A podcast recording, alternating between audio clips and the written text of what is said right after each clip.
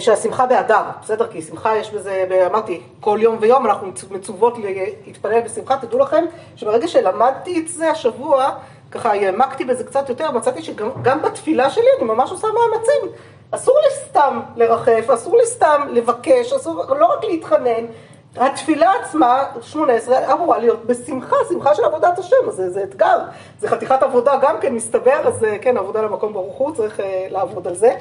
אבל יש לנו עניין באדר שמרבים בשמחה. איפה המקור של זה שמרבים באדר בשמחה? מי שיודעת? מי שזוכרת מאיפה המקור שמרבים באדר בשמחה? תסתכלו, מקור ראשון, אתם יכולות להציץ, אני מרשה. המקור הראשון, תסתכלו. הבבלי במסכת תענית, בסדר? סוף סוף המסכת שם, מסכת תענית היא ממש אה, 30 פלוס דפים. אה, הבבלי במסכת תענית אומר ככה, הגמרא, המשנה אומרת לנו שנכנס אב ממעטים בשמחה וכולי. אומרת לנו הגמרא, אמר רב יהודה בריידר רב שמואל בר שילת משמי דרב, מקווה שהשמות האלה כבר קצת מתחילים להרגיש לכם יותר אה, קרובים, יותר מוכרים.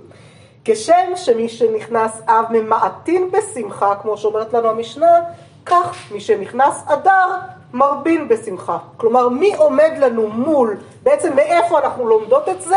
דווקא מזה שמי שנכנס אב יש עניין למעט בשמחה, מי שנכנס אדר מרבים בשמחה.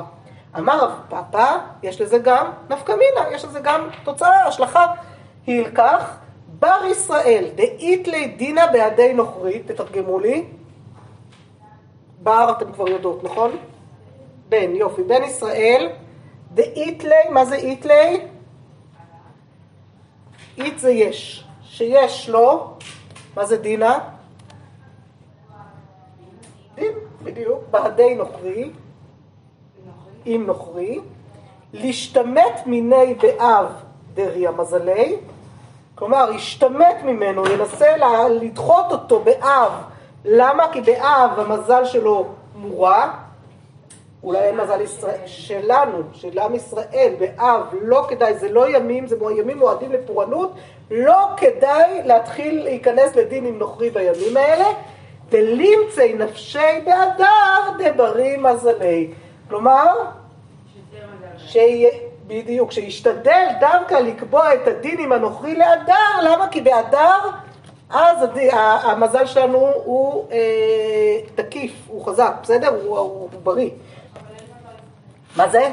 אבל אין מזל לישראל, תגידו נכון, ובכל זאת יש משהו בזמן, הזמן אה, ב... ביהדות יודעות, יש אה, לכל יום יש לו את המשמעות שלו, נכון? אז המזל פה, הכוונה היא לא מזל במשמעויות של כוכבים ומזלות, אלא היום גורם, כן? מה שהזמן שבשנה יכול ליצור. דרך אגב, מתי הימים היותר שמחים אפילו מאדר אולי? מה ההבדל הגדול בין אדר לחודש שאחריו? בניסן, לא צריך להגיד מי שנכנס אדר, ניסן מרבים בשמחה. כי בניסן כבר יש שמחה גדולה, תחשבו, משנכנס אדר מרבים בשמחה, ואנחנו מרבים ומרבים ומרבים ומרבים ומרבים, יש לי שני אחיינים שנולדו בכ"ט באדר, תאריך נפלא, הכי הרבה שמחה שיכול להיות, נכון? אנחנו תמיד מסתכלים על, על משנכנס אדר מרבים בשמחה, עד מתי עד פורים? יצא פורים, גמרנו כולנו ב down, כאילו נגמר פורים, מה, מה down? משנכנס אדר לא כתוב מתי מסתיים, מרבים בשמחה, תמשיכו להרבות, יש לכם... סיבה למסיבה עד אה, סוף אדר, בסדר? ואז מה קורה? מה זה? השאלה אם זה כל אב או לא, זה כנראה דווקא בגלל שיש לנו אחר כך שבת נחמו, ומתחילים שבע דנחמתא, אז כבר התהליך הוא אחר. יש את ט"ו באב, אז זה לא זה. אולי יכול להיות, אני, חושב, אני לא יודעת אם צריך לקחת את זה עד כדי כך, אבל אין, אין לי ספק שהשמחה של ההדר שבה צריך לעבוד על השמחה, על הלהרבות בשמחה, היא באיזשהו מקום כבר נשארת וקיימת כבר בימי ניסן. תחשבו על ימי ניסן והתחושה באוויר, האביב, כל הפריחה, כל הצמיחה, הכל, כל העולם הוא בעצם נמצא באיזשהו מצב של יותר שמחה. בסדר? באופן טבעי מאוד, לא, ב, לא צריך לעבוד על זה. כלומר, ההבדל הגדול בין אדר לניסן בהקשר הזה, שבאדר יש לנו עניין לעבוד על השמחה הזאת, להרבות אותה ב, ב, בכוח, כן? זאת אומרת, זה לא, זה לא משהו שבא טבעי. ואיך אנחנו יודעות שזה לא בא טבעי? כי כשהמן קבע את פורים לפורים, הוא קבע דבר מאוד מאוד רע. ומה היינו צריכים לעשות כדי להפוך את הגזרה שלו? היה צריך לעשות מעשים מאוד מאוד, אה, זה, היה צריך להילחם, היה צריך לעמוד על שלנו, זה לא משהו ש... זה לא נס שקרה משום מקום, בסדר? היו שם הרבה ניסים נסתרים, אבל לא קרה, אבל, אבל בעצם לכאורה סיפור המגילה יכול להיקרא גם בלי ניסים, כן? אלא פשוט היהודים תפסו את התוקף שלהם והצליחו לעמוד. אז זה העיקר, העיקרון של הדר, הדר הוא עניין של מעשה, בסדר? שאנחנו עושים, אנחנו מרבים בשמחה, אנחנו עובדות על השמחה הזאת. אז על איזו שמחה עובדים ומה העניין הזה של לעבוד על השמחה. רגע לפני כן אני רוצה שניכנס לכמה פסוקים בתורה אה, בנושא של שמחה, בסדר? וזה פסוקים ש... זה, זה נורא מעניין כי זה מהלך שהולך איתי על פרשת כי תבוא כבר המון המון שנים ואני לא יודעת למה, לא מצאתי את זה בשום פרשם שאומר את זה, זה כנראה שהוא לי משהו בכל זאת אה, קצת לחדש. אתם קוראים פרשת כי תבוא, פרשת כי תבוא פותחת בדיוק כמו שהבאתי לכם פה, בפרשת הביקורים, במקרא ביקורים, בסדר? במצווה להביא ביקורים ולהגיד, לענות ולומר דברים הרבה על הביקורים האלה, והפרשה, פרשיית הביקורים מסתיימת במילים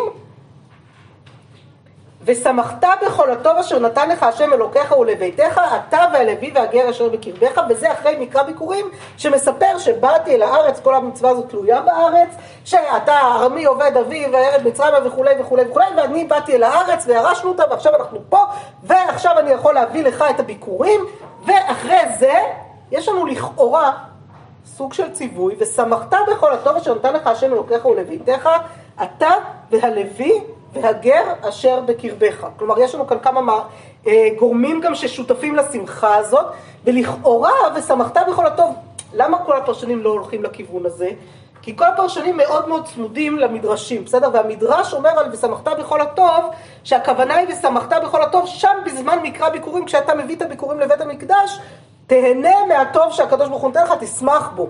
כן? אבל בעצם אם מסתכלים על זה, אפשר גם להסתכל על זה כאיזשהו פסוק סיום, שקצת מנותק גם, ש, שהשמחה הזאת היא שמחה שאני אמורה לקחת איתי הביתה אחרי מקרא ביקורים, והיא אמורה בעצם להיות איזשהו ציווי לאיך אני, מה, מה, מה, מה זה שהבאתי את הביקורים גרם לי להכיר טובה, להכיר טובה לקדוש ברוך הוא, להבין מי נותן לי את הכוח ומי נותן לי את, ה, אה, את מה שאני, אה, את כל, את כל הטוב הזה. והמצווה שלי אחרי כן, כשאני חוזרת הביתה, היא לשמר את התודה הזאת ואת הכרת הטוב ולהמשיך לעבוד את השם בשמחה. מה ההוכחה שלי לכיוון הזה? מהמשך פרשת כי תבוא. מה כתוב לנו בהמשך פרשת כי תבוא? כל הקללות. באמצע הקללות, אחד הפסוקים הכי חזקים שם באמצע הקללות, פסוק שמסביר למה הן באות. מה קרה בכל הקללות האלה שהן באות? תדלגו שנייה, תכף נחזור לשלל דוד. אה, תדלגו רגע אחד למקור שבע בעמוד השני. ובאו אליך כל הקללות אליך ורדפוך וכולי, והוא בך לאות ולמופת, תחת אשר לא עבדת את השם אלוקיך בשמחה ובטוב לבב, למה? מרוב כל. מה גורם לנו לא לעבוד את השם בשמחה ובטוב לבב? דווקא כשיש לנו הרבה, מרוב כל. הביקורים, מקרא ביקורים, אמור באיזשהו אופן לתקן את המצב הזה, להחזיר אותנו למוטב, בסדר? לעזור לנו להתאפס על עצמנו, אבל אחרי כן כשאנחנו חוזרים הביתה, לכאורה צריך לדעת לשמוח בכל הטוב ולעבוד את השם בשמחה. מה זה אומר לעבוד את השם בשמחה? אז תראו, תחזרו עכשיו למקור שלוש בדף הקודם, אה, שלל דוד, אה, אחד מהאחרונים, כתוב לכם בצד ככה קצת אה, מי הוא היה, תקופת נפוליאון. אומר לנו ככה, מסביר לנו ככה, בניגוד לכל האחרים שאמרתי שמסבירים בעקבות המדרש ושמחת בכל הטוב, זה שם בזמן מקרא ביקורים וכולי, הוא מסביר ככה, ושמחת בכל הטוב, ותראו איך זה קשור לנו לפורים, בסדר? זה מה שמפתיע בפירוש הזה. ושמחת בכל הטוב, זו תורה. כך איתה במדרש, ככה מופיע לנו במדרש. והביאו בשארית יעקב, ויש לדקדק מהי עניין תורה לכאן, מה פתאום ושמחת בכל הטוב זו תורה, נכון? מאיפה זה הגיע? ואז הוא אומר, ולפי פשוטו יש לומר, וכבר אמרו במסכת שבת, וישראל יכולים לטעון טענת מודעה. מה זה לטעון טענת מודעה? מכירות את זה? למדתם אה, שבת פ"ח? אז בואו נקרא את המקור ביחד, כי זה מקור מאוד מאוד מאוד חשוב, אתם תכף תראו שאתם כן מכירות אותו קצת. מקור מאוד מאוד חשוב להבנת פורים, בסדר? והעניין של פורים. אומרת לנו הגמרא בשבת פ"ח, והתייצבו בתחתית ההר. איפה כתוב בפסוק הזה והתייצבו בתחתית ההר? בהר סיני, מתן תורה, קראנו לא מזמן בפרשת שבוע. אמר רב עבדי מבר חמא בר חסה, מלמד שכפה הקדוש ברוך הוא עליהם את ההר כגיגית, ואמר להם, אם אתם מקבלים התורה, מוטב, ואם לאו, שם תהא קבורתכם. כלומר, התורה ניתנת לישראל בכפייה. אומר להם הקדוש ברוך הוא לישראל, מקבלים? אין בעיה, מצוין. לא מקבלים? כולכם מתים במקום, גמרנו, נגמר סיפור. זה ברצון, זה נעשה ונשמע, זה מה, מה הולך פה, כן, איך, איך, איך נותנים תורה בכפייה. אמר, רב אחא בר יעקב אמר, מכאן מודעה רבה לאורייתא. מה הכוונה מודעה רבה לאורייתא? כלומר, שיכולים, לישראל יש טענה כלפי הקדוש ברוך הוא, והם יכולים לומר לו, מה אתה בא אלינו בטענות שאנחנו לא שומרים תורה? כפית עלינו. אנחנו רצינו? אתה דרשת מאיתנו לעשות את זה, עכשיו מה אתה בא בטענות? אם לא היית דורש, אולי לא היינו רוצים, לא היינו מקבלים, דרשת, הכרחת אותנו. אתם יודעות, זה כמו, ש... זה, כמו שתמיד אומרים, אם מכריחים מישהו, תחשבו על עצמכם, לפני שנתיים, שלוש, לא יודעת מתי, כשהייתם בתיכון, לכמה שיעורים נכנסתם כי רציתם ולכמה שיעורים נכנסתם כי הכריחו אתכם, ואיך הייתם בשיעורים האלה ובשיעורים האלה, וכשעכשיו אתם פה והייתם מאמינות לפני שנתיים שלוש שעזבתם את התיכון, שתחזרו מרצונכם החופשי לשנה של לשבת וללמוד כל היום מעצמכם, כמה הייתם רוצות, נכון? וזה בדיוק ההבדל בין כפייה לרצון. יש עוד הרבה מה להרחיב על למה צריך גם כפייה וגם רצון במתן תורה. אבל בואו נגיע לפורים. אמר רבא, אף על פי כן, אף על פי שיש לישראל מודעה רבה לאורייתא, כלומר יש להם טענה באמת אמיתית כלפי הקדוש ברוך הוא, הדור קיבלוה בימי אחשורוש. כלומר, מה השתנה בימי אחשורוש? מה קרה בפורים? דכתיב קיימו וקיבלו היהודים, קיימו מה שקיבלו כבר. מה בעצם שורש, השורש החשוב כל כך של המגילה ושל פורים, מה הוא מגלה? את הרצון, את ההדור קיבלו, חזרו וקיבלו אותה מרצון. כלומר, אם עד עכשיו היה להם טענה למה אנחנו לא שומרים תורה, מאותו רגע ואילך, אין טענות יותר, קיבלתם עליכם. בסדר? קיבלתם, עוד פעם חזרתם ואמרתם, אנחנו מסכימים, קיבלנו. כן, תמר, ממש קשה לך.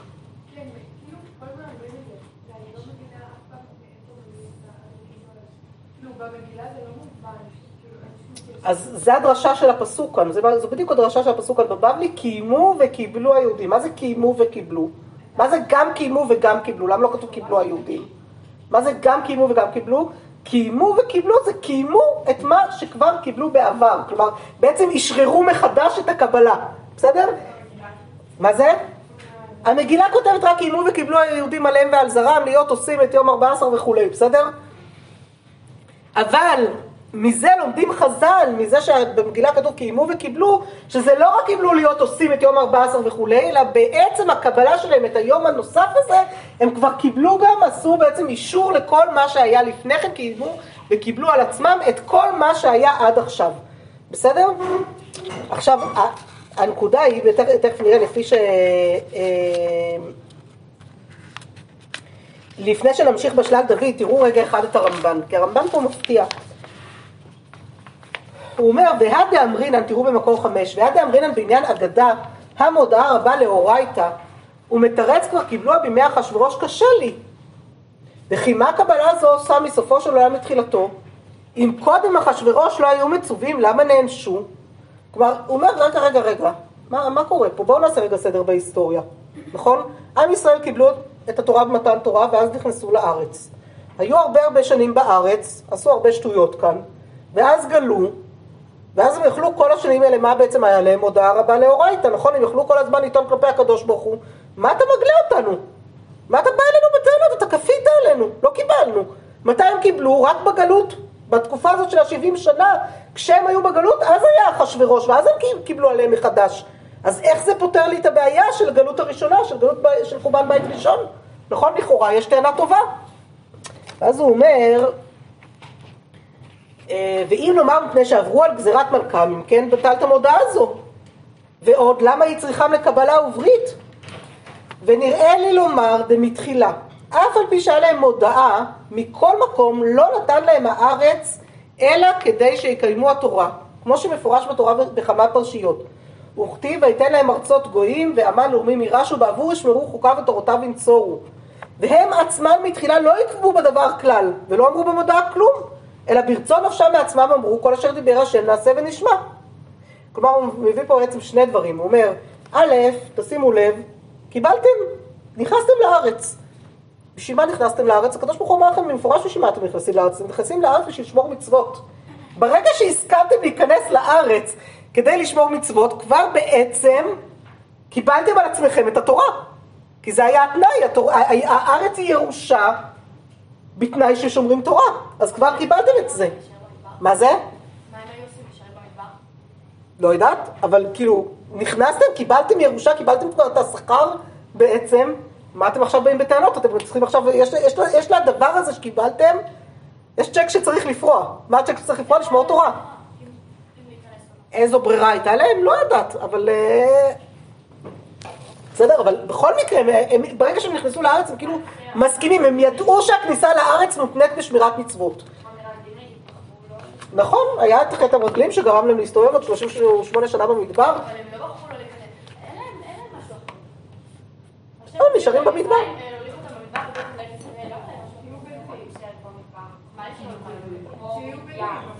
כן, נוודים. לא יודעת. בסדר, אבל הם עברו איזה כור היתוך כזה במדבר שהיה אמור להכשיר אותם לזה. קיצור, בכל מקרה, זה דבר אחד. דבר שני, הוא אומר, וחוץ לזה, אתם בעצמכם אמרתם נעשה ונשמע גם במתן תורה, בסדר? הוא גם מדגיש את הצד של הרצון, שכבר היה במתן תורה, ולא אמרתם כלום על המודעה רבה, לא צעקתם כשאמרתי לכם, אני כופה עליכם הר כגיגית, לאו פה תהיה קבורות, כאן אמרתם, אה, מה אתה עושה, מה פתאום, אולי אנחנו לא רוצים?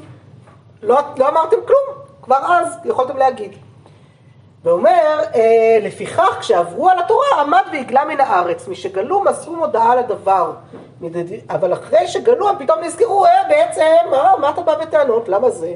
מדכתיב העולם רוחכם היו לא תהיה, על רוחכם היו לא תהיה, אשר אתם אומרים נהיה כגויים וכמשפחות האדמה, לשרת עץ ואבן. וכדאמרינן בהגדה, רבנו יחזקאל, עבד שמחרו רבו, כלום יש לו עליו וכולי, לא משנה, לא ניכנס עכשיו לסוגיה בסנהדרין שם. לפיכך, כשבאו לארץ בביאה שנייה בימי עזרא, עמדו מעצמם וקיבלוה ברצון, שלא יטענו עוד שום תרעומות. כלומר, מה הוא אומר? מה היה התהליך? הם בהתחלה שתקו ונכנסו לארץ על אף שהם ידעו מה התנאים. למרות זאת, כשהקדוש ברוך הוא הגלה אותם, התחילו לצעוק, אה, אבל מה, מודה רבה דאורייתא, מה אתה מגלה אותנו? בכלל לא נתת לנו צ'אנס ולא נתת לנו הזדמנות, אתה דרשת מאיתנו את זה. ואז הם יצאו לגלות, והיה את הסיפור של אסתר ומרדכי, וקיימו וקיבלו היהודים, והם עלו לארץ בעליית עזרא. זה פחות או יותר אותם זמנים, נכון? סוף, מלכות אחשוורוש זה כבר על התפר של העלייה לארץ בסוף ה-70 שנה, בסדר? מבחינת הזמנים זה ממש שמה בדיוק בתקופה הזאת, ואז כשהם עולים לארץ חזרה בתחילת בית שני ובונים פה את בית המקדש השני, הם חוזרים לארץ, בדיוק כמו הנבואה גם, זה כבר השלב שבו הם קיבלו מרצון לגמרי, כלומר הם בעצם כבר עברו את שלב התרעומת של המודעה ואמרו זהו, אין מודעה רבה יותר, עכשיו אנחנו לגמרי לגמרי ברצון מבינים מה המשמעות של לחיות בארץ. מה זה? כן, כן. כן. כמה עלו? זה כבר ללמוד עזרא ונחמיה עכשיו, אני לא נכנסת. בסדר, לא רוצה, כי זה, זה, זה, זה ללמוד כל שיבת ציון. זה עליה סיפור, לא כולם עלו, ועלו בהתחלה מעטים, ואחר כך עלו יותר, ובקיצור, יש שם, אה, זה על פי המדרשים, אסתר היא אימא של דריווש. בסדר? זה מעניין. שמע כל התהליך, אבל... מה זה? אבל צריך להיכנס לכל השנים לכל זה, זה באמת שיעור אחר, כאילו, לא לעכשיו, בסדר? אנחנו פשוט לא נגיע לזה. בקיצור אומר, והיינו בימי אחשוורוש שהוציאם ממוות לחיים, והיה זה חביב עליהם מגאולה של מצרים. היה יותר חביב עליהם הקבלה ברצון אז בימי אחשוורוש, אפילו מגאולת מצרים, ואולי בגלל זה ימי הפורים האלה לא יעברו מתוך היהודים, כלומר לעתיד לבוא כל החגים בטלים, ורק פורים ופורים לא יתבטל. בסדר, רק יום כיפורים ופורים לא יתבטלו, כי זה כל כך חביב עליהם, ששם כבר קיבלו באמת מרצון לגמרי, בלי שום טענות ותרעומת. אני חוזרת לשלל דוד, ואז הוא אומר ככה, והרשב"א כתב בשם הרמב"ן, והמודעה בטלה שעל מנת זה נתן להם את הארץ כדכתיב ויתן להם ארצות גויים בעבור ישמרו חוקיו. מעתה אותו אחד שקורא מקרא ביקורים מאחר ש... אחר שמודה ושבח לקדוש ברוך הוא לארץ הטובה אשר נתן ארץ זבת חלב ודבש מעתה ושמחת בכל הטוב תשמח בקבלת התורה שמטעם זה נתן לך את הארץ וכיוון שאתה שמח בהארץ אם כן תשמח בהתורה שהיא הגורמת אבל אי לא היו שמחים בארץ הטובה, לא היו שמחים גם כן בתורה, כי יאמרו לא רע ולא רע בעין. לא, אנחנו לא רוצים לא את זה ולא את זה. ברגע שאנחנו מביאים ביקורים ומודים על הארץ, על השבח של הארץ, אנחנו ממילא מודים גם על השבח התורה, כי זה בא ביחד הארץ והתורה, כמו שראינו במודעה רבה, וכמו שראינו בעלייה שבאה שבא, עלייה של בית שני, שבאה אחרי הסיפור של אחשורוש, של קיימו וקיבלו היהודים. אני מתקדמת עוד טיפה, ותראו, העמק דבר, הוא באמת פרשן של, אה, העמק דבר זה הנציב מוולוז'ין, אה, והוא באמת לוקח גם את הפסוק הזה של ושמחת בכל הטוב בטוויסט קטן ככה שונה מכל האחרים, כמו שאמרתי לכם, והוא אומר ושמחת בכל הטוב, מה זה בכל הטוב? של הנפש והגוף יחד. היינו אשר נתן לך השם אלוקיך, שאתה מרגיש גדולת הנפש באלוקות, שהיא תענוג וחיות שאין למעלה הימנו. אני חייבת לומר שהייתי קצת מופתעת לגלות את זה פה בנציב דווקא. הנציב מוולוז'ין, בסדר, ישיבת וולוז'ין הייתה ישיבה למדנית, ליטאית, לא ישיבה חסידית לצורך העניין, בסדר? המילים האלה, תסכימו איתי, זה ממש אה, מילים שיכולתי להגיד לכם והעתקתי את זה מהתניא, נכון? כאילו זה יכול להיות הרבה יותר מתאים. אז uh, הנה לכם ככה קצת uh, איך זה יכול להתחבר ביחד, ותכף עוד נדבר על זה כשנגיע לאדמו"ר הזקן עוד קצת.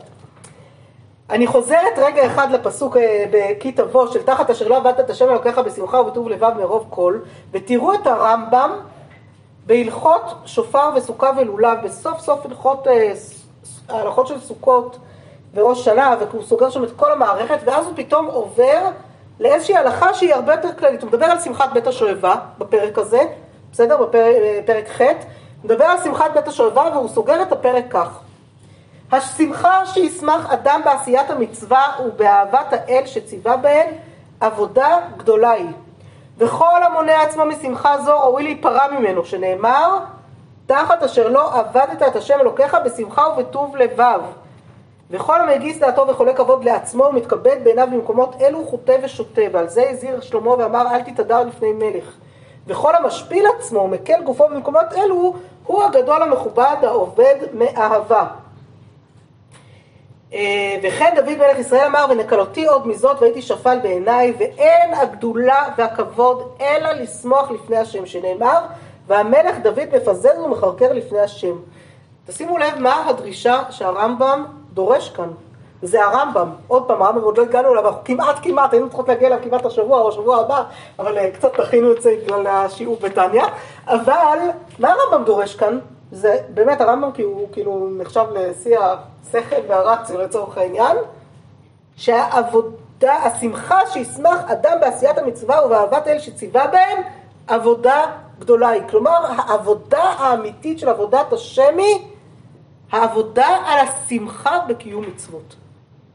שכשיש לי מצוות אני צריך לשמוח בקיום שלהן, השמחה, העבודה על השמחה היא העבודה העיקרית, בסדר, אנחנו מכירות את המשפט, מצווה גדולה להיות בשמחה תמיד, ויש מי ששרים את זה הפוך, שמחה גדולה להיות במצווה תמיד, תבחרו מה עדיף, זה בעצם שני פנים של אותו דבר.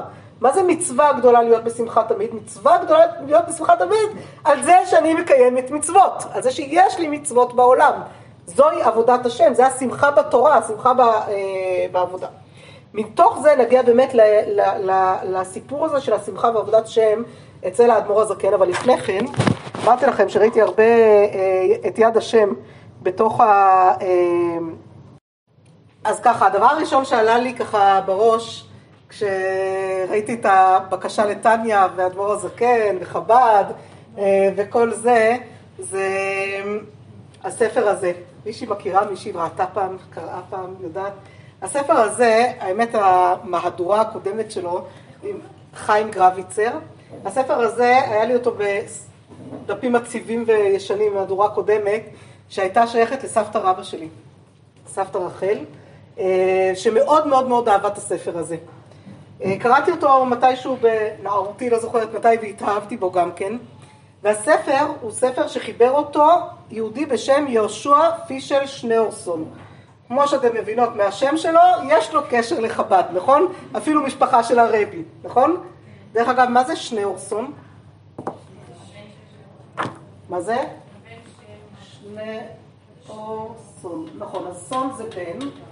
אבל מה זה שניאור? אז בן, זה הבן של שניאור. מה זה שניאור? למה קראו לו שניאור? מה זה השם הזה?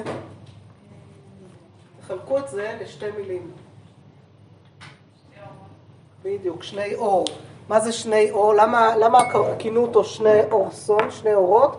כי הוא בעצם, ה, כאילו נבואה שנשתלחה כשנתנו לו את השם הזה, שהוא ידליק שני מאורות גדולים בעם ישראל, יהיה לו נשמה שמדליקה אורות גדולים, וזה מה שאנחנו נראה עוד בהמשך, שהרבי, האדמו"ר הזקן, הרבי, אה, הרב אה, אה, הראשון שהקים את חסידות חב"ד, הוא היה, ממש החזיק שני חלקים בתורה מאוד מאוד חזק.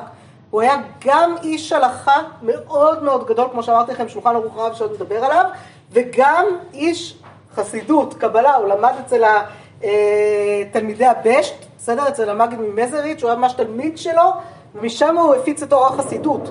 אז האדם הזה בעצם החזיק שני סוגים של מאורות. אני מבינה שהתייאשתם לא הולך? לא נורא, אתן רוצות אה, לעצור שנייה ולהסתכל על זה בעצמכן, אתן יכולות, אם לא נסתכל זה, רוצות? אז נעצור רגע אחד ואז נחזור לחיים קרביצר. אמ, אחד הדברים שהולכים הכי חזק מהספר הזה, הספר חיים גרביצר מספר, חיים גרביצר, או הנופל, הוא יהודי חבדניק, אה, אחד מהחסידים הגדולים של הרבי, אה, לא, לא האדמו"ר הזקן, במאה שאחריו, והוא אה, עולה במעלות מאוד מאוד גבוהות בחסידות, אדם מאוד מאוד כזה סוער, אה, מלמד תינוקות ולא מוכן לשמש ברבנות, אדם, אה, באמת אדם מאוד מעניין, שעולה במעלות מאוד מאוד גבוהות בחסידות, עד כדי כך שהוא נתפ... ככה סוחף אחריו הרבה מהעולם באיזשהו אה, אה, דבקות מאוד גדולה ברעיון של אין עוד מלבדו. מה הרעיון של אין עוד מלבדו? שמעתם את הרעיון הזה פעם? מה זה אומר אין עוד מלבדו? מה זה?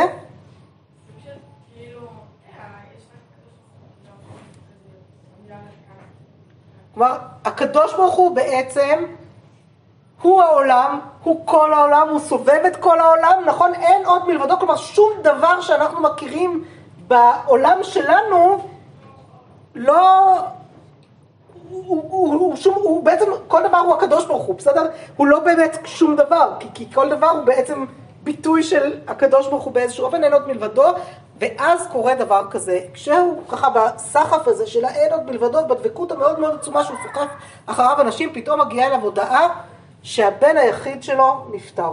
הבן היחיד שלו שהיה מטופל בילדים, וזה האדם ככה מאוד אה, שקט יחסית לאבא שלו, אה, נפטר.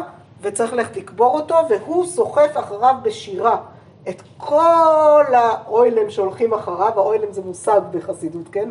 העולם, זאת כל הקבוצה של החסידים שיחד איתו, והוא סוחף אותם לבית הקברות, למה? לקבר את המוות, כי מה זה המוות? אם אין עוד מלבדו, אז גם המוות אין לו משמעות, אז אפשר לקבר את המוות יחד איתו. והסיפור הנורא והקשה הוא שהוא מגיע לשם עם הסחף הזה, עם הכל, ופתאום כשהוא רואה את הבן שלו מוטל שם בקבר ונותן כאילו שיכסו אותו ושל אה, הבן הצעיר שהיה בסך הכל אדם צעיר ככה נפטר והולך לבית עולמו וכולי פתאום משהו מזדעזע בו בנפש והוא כאילו נכמרים רחמיו הוא פשוט לא מסוגל לשאת את זה ובורח מהקבר כנשוך נחש ופשוט נעלם אפילו בלי להגיד קדיש על הקבר. והדבר הזה מאוד מאוד מזעזע אותו ובעצם הספר מתמודד עם כל התהליך הנפשי שעובר אה, אותו חיים גרביצר וכל הטיול שלו אחרי כן בנפילה הגדולה מהמדרגה המאוד מאוד גבוהה שהוא הגיע אליה לביר העמיקתא של אפילו לא להגיד קדיש על קבר בנו והוא עובר בדרך בקהל של חסידים מסוג אחר ואחר כך אצל אה, אה, מסנגדים ואצל משכילים וככה עובר כל קבוצות בעם ישראל בתקופה הזאת ובסוף חוזר לחב"ד, בסדר? הספר מתחיל בעצם מהפרולוג מה, מהחזרה שלו לחב"ד אל הרבי אחרי הנפילה אבל כל הספר כולו בעצם מתאר את התהליך של הנפילה הזאת, אה, הוא מלא גם בדברי חסידות של חב"ד וגם אה, מאמרים של הרבי וכל הדברים כאלה, אבל הוא גם מלא בהרבה זה, זה ספר כבד, זאת ספר ש... אבל ספר מדהים לקרוא אותו. קוראים לספר חיים גרביצר, סיפורו של נופל. כן, חיים גרביצר זה לא השם של המחבר, זה השם של הגיבור. של הגיבור, לא הרבי, של הגיבור של הספר. הרבי זה האדמו"ר, האדמו"ר, אה, נדמה לי הרייץ. לא, לא, לא משנר זלמן. בכל מקרה, טוב, אני, אני אתן לכם ככה כמה מילים מהספר, בסדר? שיהיו קשורות גם באיזשהו אופן איזה. אה, אחד היהודים שהוא פוגש שם בדרך שואל אותו מה קרה לך, מה הסיפור שלך בכלל? הוא אומר לו ככה, את כל האמת כולה אגיד לך. הרי אתמול שלשום הייתי מטפס ועולה לעילה ולעילה עד אין קץ. בכל רמ"ח איבריי הרגשתי לכאורה כי אין עוד מלבדו. כי אין שום דבר בעולם חוץ ממנו. וממילא עניין קניינו של המוות אינו אלא על דרך הדמיון בעלמא. וכך היינו מהלכים כולנו בשיר וזמר אחרי מיתתו של בני יחידי כדי להביא לקבורה את המוות. אך בעצם ההתלהבות החל ליבי, שלא בידיעתי, דואב עליי בתכלית הפשטות על בני שנפטר. עיניי חשכו ולא היה בי כוח לעמוד על רגליי. אם אין המוות אלא דמיון בעלמא, הרי דאבון לב לא כל שכן. ואם כך, מדוע איני יכול לעמוד בפניו? הרי תבין, מקבר אני את המוות, והלב והגוף מקברים אותי. ומיד מתחבר לי שהתלהבותי גם היא אינה אלא תאוות גוף מפולפלת, כל זעקה של דם תוסס, המבקש ספירט חי והתלהבות רותחת. בסך הכל משמע לא הייתי אלא שיכור מאין עוד מלבדו. וברחתי כפושע ישראל מאצל הקבר הפתוח בלי אמירת קדיש. והנה מתאבני לנפול נפילה גמורה כדי ליטול מן הגוף השיכור את ניצוץ הקדושה האחרון. ואולם, כל שאני מרבה לנפול, ליבי נמשך והולך כלפי מעלה. איזו נקודה שם, בא... עומדת, עומדת שם באמצע הנשמה ואינה מניחה לי לא לנפול ולא להתעלות. נמשך אתה כלפי מעלה והגוף מושך למטה. יורד אתה אל שפל המדרגה של הגוף והלב נמשך למרומים. גלגל חוזר הסובב והולך בלא הפסק.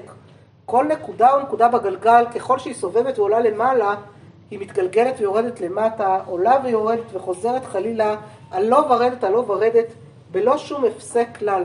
ממש עד יציאת שיעורה האחרון של החיות. אני עוצרת כאן, מקווה שיצרתי בכם קצת חשק לקרוא. יהושע פישל שניאורסון שכתב את הספר היה אה, פרופסור לפסיכולוגיה, היה פסיכולוג. ולכן הספר בעצם מכיל המון המון גם את תנועות הנפש. וגם את ה... והיה חסיד גם, היה מתוך החסידות, והביא גם את זה וגם את זה. בעצם מה שהיה בקטע הזה, זה תיאור של אותו דבר שראינו עכשיו בדיוק בסרטון, הסיפור הזה של הנפש האלוקית והנפש הבהמית שמתרוצצות זו בזו, ובעצם כל ההתמודדות שלנו בעולם הזה, שמצד אחד אין עוד מלבדו, אבל כל אחד מאיתנו הוא גם ביטוי של הדבר הזה. כל חפץ וחפץ בעולם הוא איזשהו סוג של ביטוי חומרי לדבר הזה, ואיך זה יכול להיות, כי אין עוד מלבדו הוא משהו מופשט, וכל המתח הזה בין למעלה למטה, בין חומר לרוח, בין נפש לגוף, כל המתח הגדול הזה, ההתרוצצות הזאת היא בעצם מה שהרבי אה, מדבר עליו בספר התניא. בסדר? זה מה שהוא בעצם מנסה לייצר איזושהי דרך לעבודת השם דרך ההתמודדות עם ה... אה, לתת כלים איך להתמודד עם זה. אני הבאתי לכם, כמו שאתם יכולות לראות, דווקא לא מפרק ל"ב, למרות שהוא פרק חשוב גם כן. אז הספר הוא, זה אחת המהדורות שלו, יש הרבה מהדורות אה, לספר, בסדר? הוא כתוב בשפה לא פשוטה ולא קלה. אתם תראו, הרבי היה, אה, כמו שאמרתי לכם, היה גם אה, איש, איך, איך, איך אמרו שם בסרטון, להשליט את המוח על הלב. הוא הגיע לחסידות מתוך המוח, לא מתוך רק הלב, בסדר? בחסידות יש עניין שאנחנו עובדים עם הלב, אבל, אבל בחב"ד זה דרך השכל. בסדר? אנחנו מפעילים את השכל, הוא היה איש הלכה, יש עניין בעבודת השם, כמו שהיא, קודם כל כאיש, כאנשי הלכה, אחד הדברים המדהימים בספר פה, אחד הדברים היפים, זה שהדרך שבה חיים גביצר לאט לאט מוצא את תיקונו, זה כי הוא לומד משניות לעילוי נשמת בנו כל הזמן, הוא לומד ומלמד משניות תוך כדי. וללכת דווקא כחסיד למשנה, לכאורה זה כאילו נראה כזה רחוק אחד מהשני, נכון? המשנה, ספר חוקים, כך זה, אבל במשנה אותיות נשמה. המשנה היא נשמת אפה של היהדות, הנשמה הבסיסית והבניין המסודר הזה של המשנה, דווקא הוא יוצר את הסדר בתוך הנפש הסוערת. אז זה כבר איזשהו ככה טיפ לאיך אה, מתמודדים. אז אומר לנו האדמו"ר, אני אתחיל דווקא, המקור שהבאתי לכם הראשון כאן מהתניא אה, בפרק י"א, אני אדלג עליו כי הוא ארוך מדי, בסדר? אנחנו פשוט לא נספיק.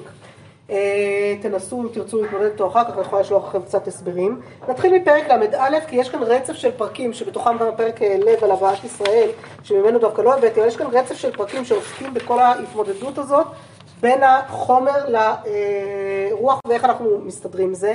הוא אומר לנו ככה, אה, בעל התניא והבאתי קטעים, אתם רואות, יש הרבה דילוגים, הרבה זה, כי זה נורא נורא ארוך אחרת. אה, והוא אומר ככה, והנה, אף אם כשיעריך הרבה להעמיק בענייני, בעניינים הנ"ל, כשעה או שתיים, להיות בנמיכת רוח ולב נשבר, יבוא לידי עצבות גדולה, לא, אה, יבוא לידי עצבות גדולה לא יחוש, ואף שהעצבות היא מצד קליפת נוגה, יש כאן מושגים שאני שוב, להיכנס אליהם זה עולם שלם, לא יודעת כמה, יצא לי מישהי כאן ללמוד טניה פעם, כאילו, אתם מכירות את המושגים קצת? יצא לכם לעסוק בהם? שירה, יפה. אז אם תרצי ל... לא שירה? יעל, יעל, אה, החלפתם, כאילו, עשיתם זה. אמרתי לכם לא להחליף, כי אחרת אתם מבלבלות אותי, זה בעיה. אני כאילו גם מספיק הסדר בכיתה שהתחלף. אז יעל, סליחה. אה, יצא לך ככה, את רוצה להסביר אה, זה או ש... מה זה? אה. יפה. וה- והמושג הזה קליפת נוגה, כבר יצא לכם לברר אותו? מצוין. את רוצה להסביר?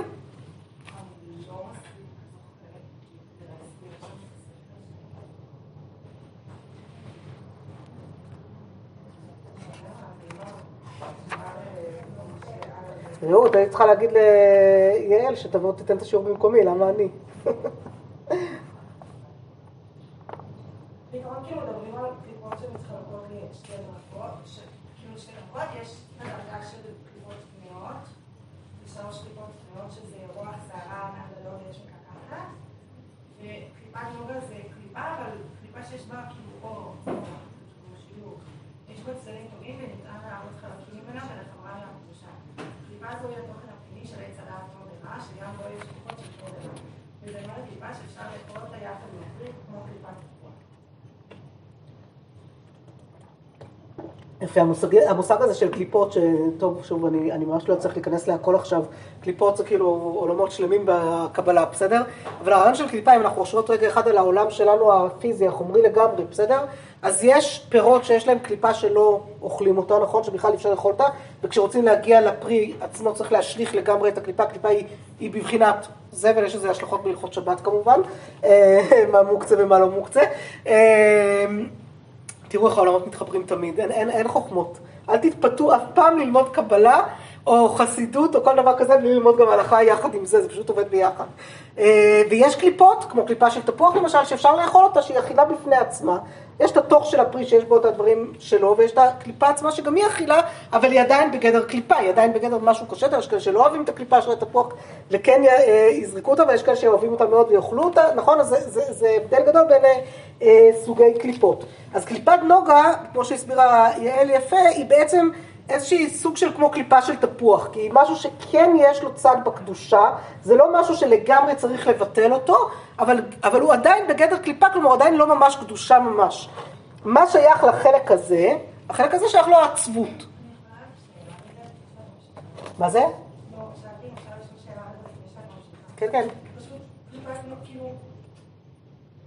אני יודעת אם יש קליפות, נגיד. כאילו שמסבירים בספר, אז נגיד שיש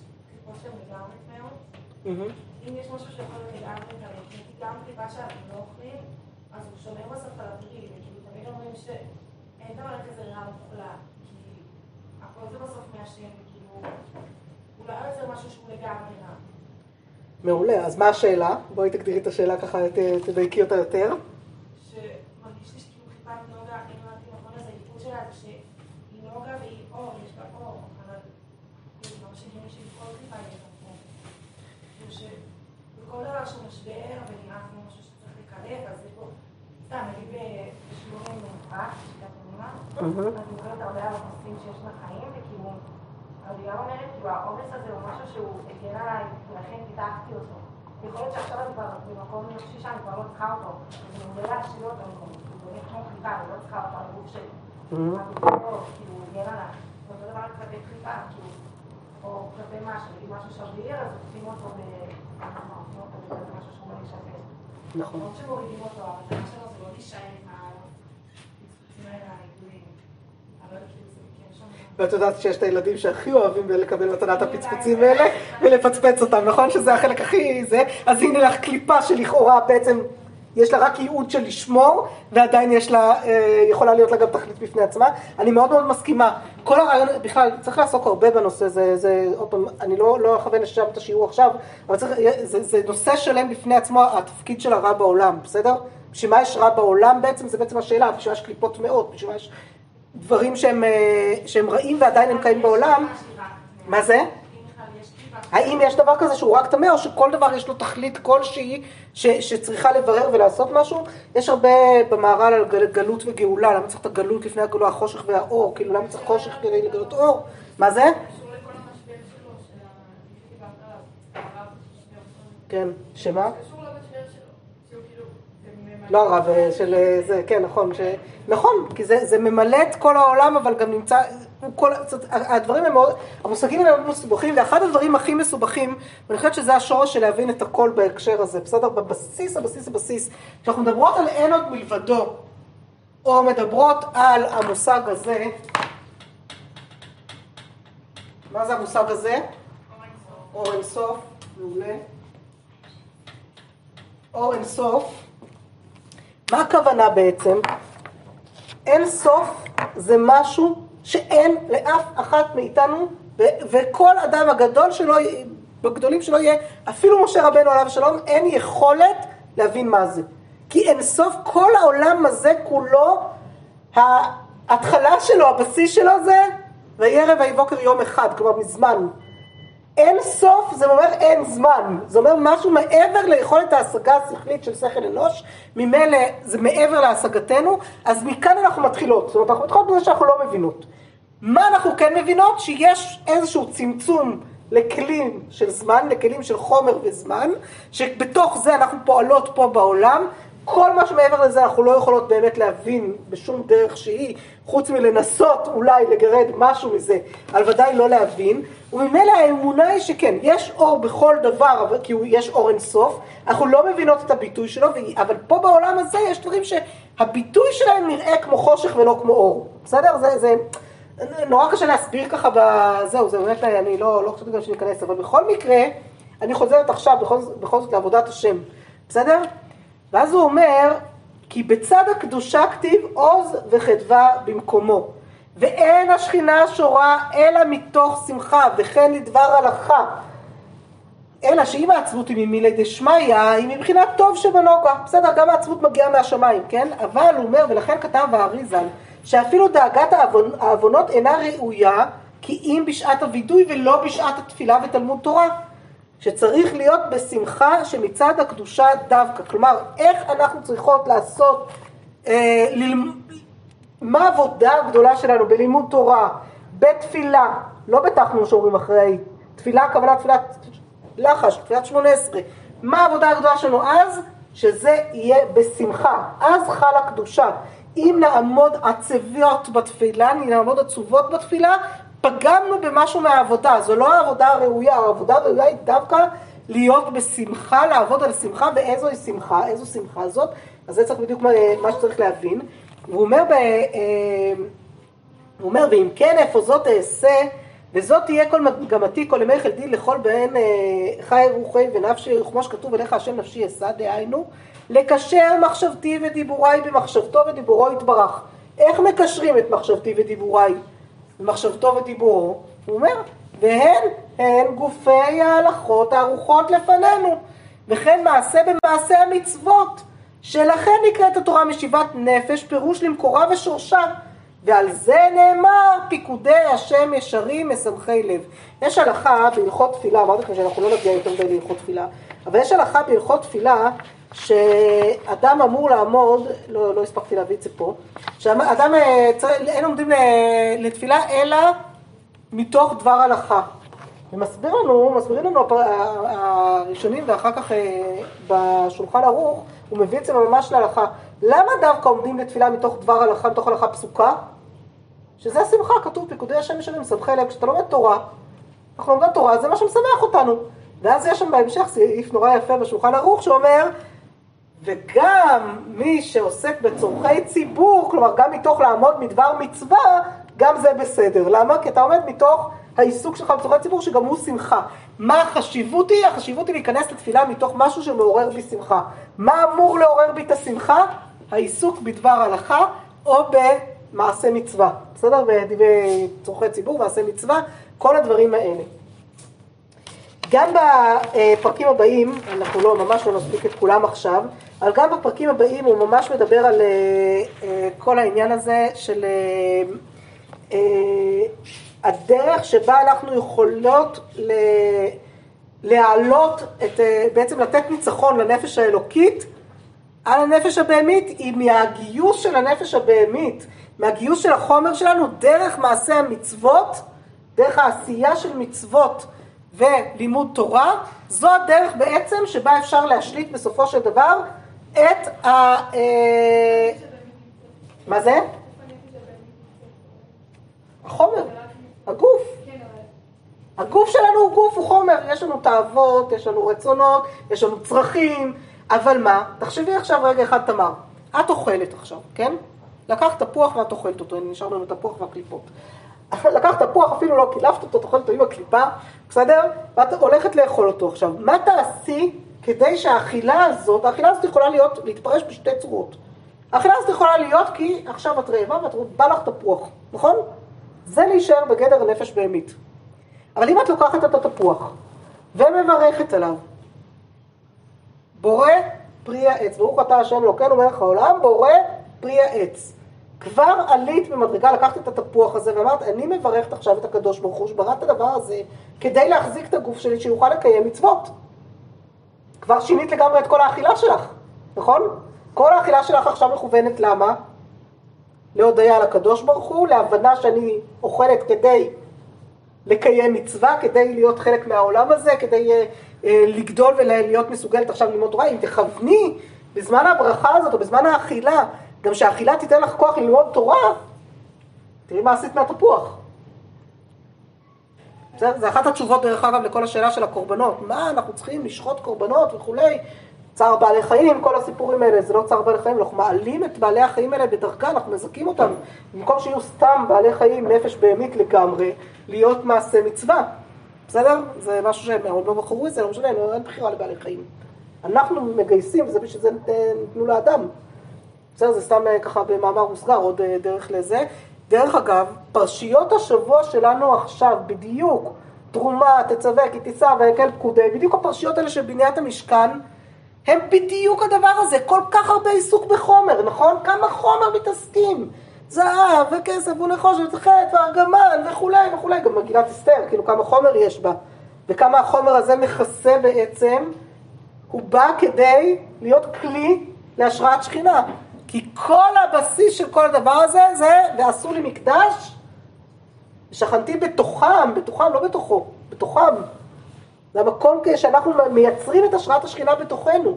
כשאנחנו בונות את המקדש, זה הבלבבים, מקדש, אה, משכן אבנה להדר כבודו. בסדר, אני כאילו בונה בתוכי את הכלי הזה לקבל את כבודו. אתם אה, תוכלו לראות את הדברים האלה אה, גם אחר כך ביחד. אני רוצה כן להגיע בדקות שנותרו לנו, אמרתי, לא אוותר לכם על ספרות ההלכה, בסדר? וכן להגיע גם לחיבור ההלכתי של אה, האדמו"ר הזקן. האדמו"ר הזקן, לפני שחיבר את ספר התניא, הספיק בגיל 25 לחבר ספר הלכה מאוד מאוד מאוד יסודי, בסדר? הוא קרא לו שולחן ערוך הרב. שולחן ערוך הרב, אולי גם של הרב, אבל גם בעצם אה, שולחן ערוך שיש בו הרבה, שיש בו הרחבה בעצם לשולחן ערוך הרגיל, ושם הוא בעצם מביא את הכל, הוא כבר מכניס את כל מיני דברים שנכנסו בהתפתחות ההלכה אחרי שולחן ערוך הרגיל. הבאתי לכם לפני כן, אה, באמת קטע חמוד ככה שמצאתי כתיאור לאדמו"ר הזקן. מספרים שהאדמו"ר הזקן כשהוא היה צעיר בצעירותו והתלבט איפה הוא ממשיך ללמוד, מאוד מאוד התלבט בין וילנה, הגר"א, גאון מווילנה, לבין אה, המגיד ממזריץ', בין חסידות. והיה ממש קרוע בין שתי, בין שתי האפשרויות האלה, כן? ולא ידע לאן ללכת, כי הוא מאוד רצה גם ללמוד תורה ברמה מאוד גבוהה, שזה היה הגאון מווילנה, אבל גם ללמוד חסידות. ואצל הגאון מווילנה לא היה לו סיכוי בהקשר הזה, כן? ואז אומרים שמה שהוא הבין זה שבווילנה ידעו כיצד ללמוד, ובמזריץ' יודעים כיצד להתפלל. ואז הוא אמר, ללמוד אני כבר קצת יודע. להתפלל אני עוד לא יודע, אז אני אלך ללמוד להתפלל. בסדר? וכך הוא התגלגל בעצם לחסידות. מי שסיכם את תולדות חייו, בעצם סיכם את זה במשפט, אם בווילנה ידעו כיצד ללמוד, ובמזריץ' ידעו כיצד להתפלל, הרי שהאדמו"ר הזקן חיבר ושילב בין שניהם. הוא היה דמות מופת שגישרה בין המוח והלב, בין הרובד הנגלה שבתורה ובין זה המיסטי. בחרתי לכן, מתוך שולחן ערוך ושולחן ערוך הרב, אה, כמה קטעים על שמחה, כמה על מצוות השמחה. אחד הדברים המדהימים בהקשר הזה של מצוות שמחה, וזה בזה אנחנו ממש נסיים ככה בכמה הלכות חשובות בהקשר הזה. אחד המדהימים, הדברים המדהימים, אין סימן שכותב מצווה לשמוח בפורים. בסדר? סתם מעניין. מה יש? יש סימן שאומר מצווה לשמוח מתי? לא. מה? בחגים, ביום טוב, בדיוק. תראו בזה, בשולחן ערוך בסימן תקפ"ט באורח חיים, חייב אדם להיות שמח וטוב לב במועד, הוא ואשתו ובניו וכל הנלווים עליו. ואחר כך ב, אה, בסעיף ג' עוד פעם, אדם אוכל ושותה ושמח ברגל. ולא ימשוך בבשר וביין ובשחוק וקלות ראש, לפי שאין השחוק וקלות ראש שמחה אלא עוללות וסכלות. לא זאת השמחה. כלומר, גם מה שאנחנו בהדר עושות צחוקים וכל הדברים מהסוג הזה, וככה קצת מגוונות את ה... זה בסדר, אבל צריך לשים לב שאנחנו נשארות בגדר עבודת השם, ולא מגיעות סתם להוללות וסכלות, בסדר? לדברים שהם דברים בטלים לחלוטין, כי זו לא שמחה. ולא נצטווינו על ההוללות והסכלות, אלא על שמחה שיש בה עבודת היוצר. כלומר, מהי השמחה של יום טוב? היא שמחה שאנחנו צריכות אה, לבוא אליה מתוך תלמוד תורה, מתוך עבודת השם, לא מתוך אה, אה, משהו אחר. ואמרתי, ובפורים עצמו בכלל אין לנו סעיף שאומר שמצווה לשמוח, חוץ מסעיף ממש צדדי, שאגב, אבלות בפורים, דיני אבל בפורים, מסביר השולחן ערוך שלא יכול להיות שהאבלות של היחיד תדחה את מצווה דאורייתא של שמחה בפורים לרבים. אבל רק פה הוא מזכיר בכלל שיש שמחה בפורים, שיש מצווה של שמחת פורים. בעצם המצוות של פורים אמורות לייצר את השמחה. זה, בעצם מה שיוצא, אין מצווה כשלעצמה, אלא המצוות של פורים אמורות לייצר את השמחה. ראיתם את, זה, את שני הסעיפים האלה, סעיף ב' וג', בסדר? ראיתם uh, כמה הם קצרים יחסית. ותראו כמה בשולחן ערוך הרב הוא מעריך ומפרט יותר ומרחיב, בסדר? Uh, אני אקרא עוד פעם את סעיף ב' כי דילגתי עליו קודם. חייב אדם להיות שמח וטוב לב במועד, הוא ואשתו ובניו וכל הנלווים אליו. כיצד משמחן, הקטנים נותן להם כלות ואגוזים, ואנשים קונה להם בגדים ותכשיטים כפי ממונו, וחייב להאכיל לגר, ליתום ולאלמנה עם שאר עניים. תשאלו אותי מאיפה זה בא? זה בא מאותו ושמחת בכל הטוב אשר נתן לך השם אלוקיך, אתה והלו... וביתך והלוי והגר אשר בשעריך. אף פעם לא שוכחים בשמחה, זה הפרק ל"ב שדילגתי לכם עליו, על אף פעם לא שוכחים כחלק מעבודת השם וחלק מהשמחה את כלל ישראל, את כל מי הנזקקים, את כל מי שנצרכים. אמ, אם תראו רגע אחד, נדייק שניונת לרמב"ם, רמב"ם מדהים בהלכות פורים דווקא, בסדר? תראו אותו בהלכה י"ז במקור 16, בעמוד האחרון, מקור 16, הלכה י"ז. הוא מביא את החובה של הסעודה וחובת משלוח מנות וחובה לחלק לעניים ביום פורים וכולי, ואז מסכם את זה במילים האלה. הלכה י"ז: מוטב לאדם להרבות במתנות לאביונים מלהרבות בסעודתו ושלוח מנות לרעיו. יש עניין לפי הרמב"ם לתת יותר מתנות לאביונים בערך הכספי שלהם ממה שנותנים משלוח מנות וסעודה ביחד. וזה מה שראוי לאדם, אני חייבת לומר שהשנה במיוחד אחרי אה, כל המשבר הגדול של הקורונה שיצרה בנו, שהרבתה לצערנו הרבה מאוד נזקקים בישראל, אני חושבת שעוד יותר צריך ממש להקפיד בזה, להשתדל משלוח מנות לצמצם למינימום שצריך, להשתדל בסעודה להרבות אבל לשמוח וזה, אבל לא להגדיל, וכל הכסף שאנחנו יכולות איכשהו לתת, לתת כמה שאפשר לעניים, כי באמת יש צורך. הוא אומר שאין שם שמחה גדולה ומפוארה אלא לשמח לב עניים ויתומים ואלמנות וגרים. שהמשמח לב האומללים האלו דומה לשכינה, שנאמר להחיות רוח שפלים ולהחיות לב נדכאים. אני חוזרת עוד רגע אחד לשולחן ערוך הרב כדי שנקרא קצת ממנו גם כן, שלא נגיד שהוא קרא ממנו כלום. אז תראו איך הוא אה, מפתח ככה קצת את ההלכות שקראנו קודם. ויש בחול המועד מה שאין בראש השנה, והוא שכל שבעת ימי הפסח ושמונת ימי, ימי החג, וכן ביום טוב של עצרת חייב אדם להיות שמח וטוב לב, הוא ובניו ואשתו ובני ביתו וכל הנלווים אליו. ושמחה זו היא מצוות עשה מן התורה, שנאמר ושמחת בחגיך אתה ובנך וביתך וגומר. כיצד משמחה על הקטנים נותן להם כלות ואגוזים, ואנשים קונים להם בגדים ותכשיטים לפי ממונו. והאנשים, בזמן שבית המקדש היה קיים, היו אוכלים בשר שלמים לשמחה.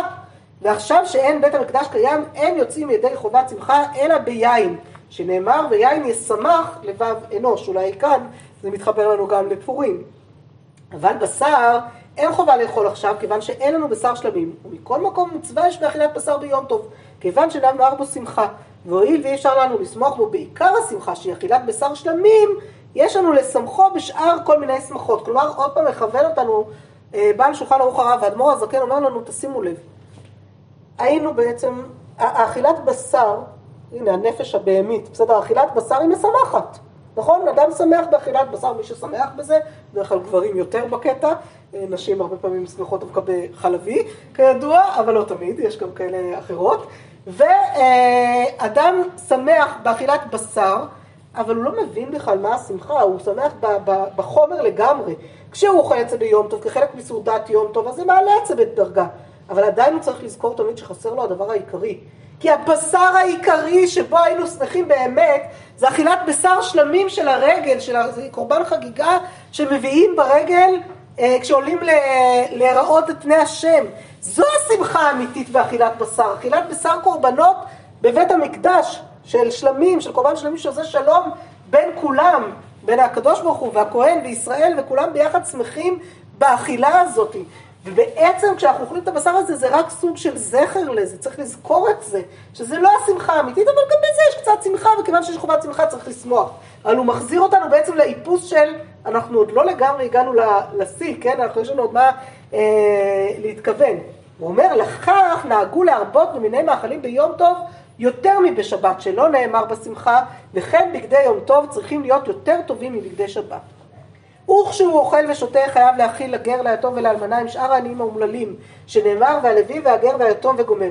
אבל מי שנועל דלתי חצרו ואוכל ושותה הוא בניו ואשתו ואינו מאכיל ומשקה לעניים ולמראי נפש, אין זו שמחת מצווה אלא שמחת קרסו. הנה בדיוק הפער בין הנפש האלוקית לנפש הבהמית. שמחת מצווה או שמחת קרסו. ועל אלו נאמר זבחיהם כלחם אה, עונים להם וכל אוכלם יטמאו כלחמם ונפשם טמאו. בשמחה כזו קלונו להם שנאמר וזריתי פרש, אה, פרס על פניכם פרש רגליכם. כשאדם אוכל ושותה ושמח ברגל לא ימשוך ביין ובשחוק בקלות ראש ויאמר כל מי שיוסיף בזה ירבה מצוות שמחה שהשכרות והשחוק והרבה וקלות הראש אינה שמחה אלא לעולות וסכלות. ולא נצטווינו על העוללות והסכלות אלא על השמחה שיש בעבודת יוצר הכל, שנאמר תחת אשר לא עבדת את השם אלוקיך בשמחה ובטוב לבב מרוב כל. הלמדת שהעבודה היא בשמחה ואי אפשר לעבוד את השם לא מתוך שחוק ולא מתוך שכרות. ההמשך דרך אגב של ההלכה של מי שעומד לתפילה יעמוד מתוך דבר ההלכה היא ששיכור אסור בתפילה. בסדר, איך מתפללים בפורים, זו שאלה בפני עצמה. האם עד כמה שיכורים, באמת זה שכרות שזה, או שזה רק שתוי, יש על זה דיונים שלמים בהלכה כמובן. אבל תשימו לב מה הוא עשה פה, ראיתם את סעיף י"ב? הוא לקח בעצם את אלה השמחה שיש בעבודת היוצר, וחיבר אליה את הרמב"ם בסוף הלכות לולב, כן? שאמר לנו על שמחת בית השואבה והשמחה בעבודת השם באופן כללי, שזה כדי שלא נגיע לפסוק תחת אשר לא עבדת את השם לוקחה בשמחה ובטוב לבב מרוב כל. אנחנו רואות כאן גם את הידענות הגדולה והשליטה הגדולה שלו בכל המרחבים של התורה, גם רמב"ם, גם אה, הלכה, גם זה, וגם מתקשר מאוד מאוד למקורות מהתניא שעוד תשלימו אותם בעצמכם אם תרצו. ואני אסיים, וואי, אני כבר ממש מזה, אבל אני כן רוצה לסיים.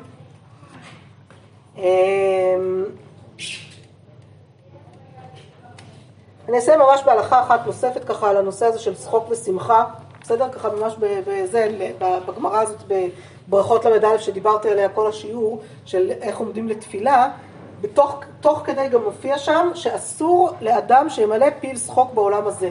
ויש מחלוקת ראשונים, שהשולחן ערוך ככה פוסק בה להלכה, הבאתי אותה ממש בקצרה פה, על אה, מה זה אסור לאדם שאין פיו שחוק בעולם הזה, האם הכוונה היא דווקא העולם הזה בגלות, בזמן הגלות ובזמן הגאולה מותר, או שלא, מתי יהיה מותר בעצם למלא שחוק פינו, מתי זו שמחה אמיתית, והטסטן מסביר שבאמת יש מי שאומר שיש אה, שמחה של, אה, ש, שיש עניין בגלות או לא בגלות, והוא אומר שהוא חושב, ש... ונראה לעניות דעתי שיש חילוק בזה, ולעניין שמחה שאינו של מצווה, ודאי אסור. אפילו שלא בזמן הגלות למלא פיו שחוק. אבל בשמחה של מצווה היה היתר בזמן שבית המקדש היה קיים. והנה חזרנו לנקודה שבה התחלנו, של אה, הקשר בעצם של מתי מרבים בשמחה. מרבים בשמחה באדר שעומד כנגד מי שנכנס אב. למה מי שנכנס אב ומעטים בשמחה? כי זה זמן מועד לפורענות. למה? כי בו המקדש חרב. וכל אה, המהלכים הם בעצם מהלכים שקשורים לעבודת השם האישית המאוד הפנימית שלנו, אבל בתוך המהלכים הכוללים האלה של כלל ישראל ושל ציפייה לבניין מקדש והבנה שהשמחה הגדולה, האמיתית המלאה, אז ימלא שחוק פינו לשוננו רינה, מתי זה יקרה? מתי נוכל למלא שחוק פינו? בשמחה של מצווה בזמן שבית המקדש קיים. ורק כשנגיע להשלים את זה, אז כנראה גם השמחה תהיה שלמה ולא יהיה צריך להרבות או למעט, אלא נהיה במצב של שמחה כל הזמן, כי נגיע לעבודת השם המלאה, שנזכה בעזרת השם במהרה בימינו אמן.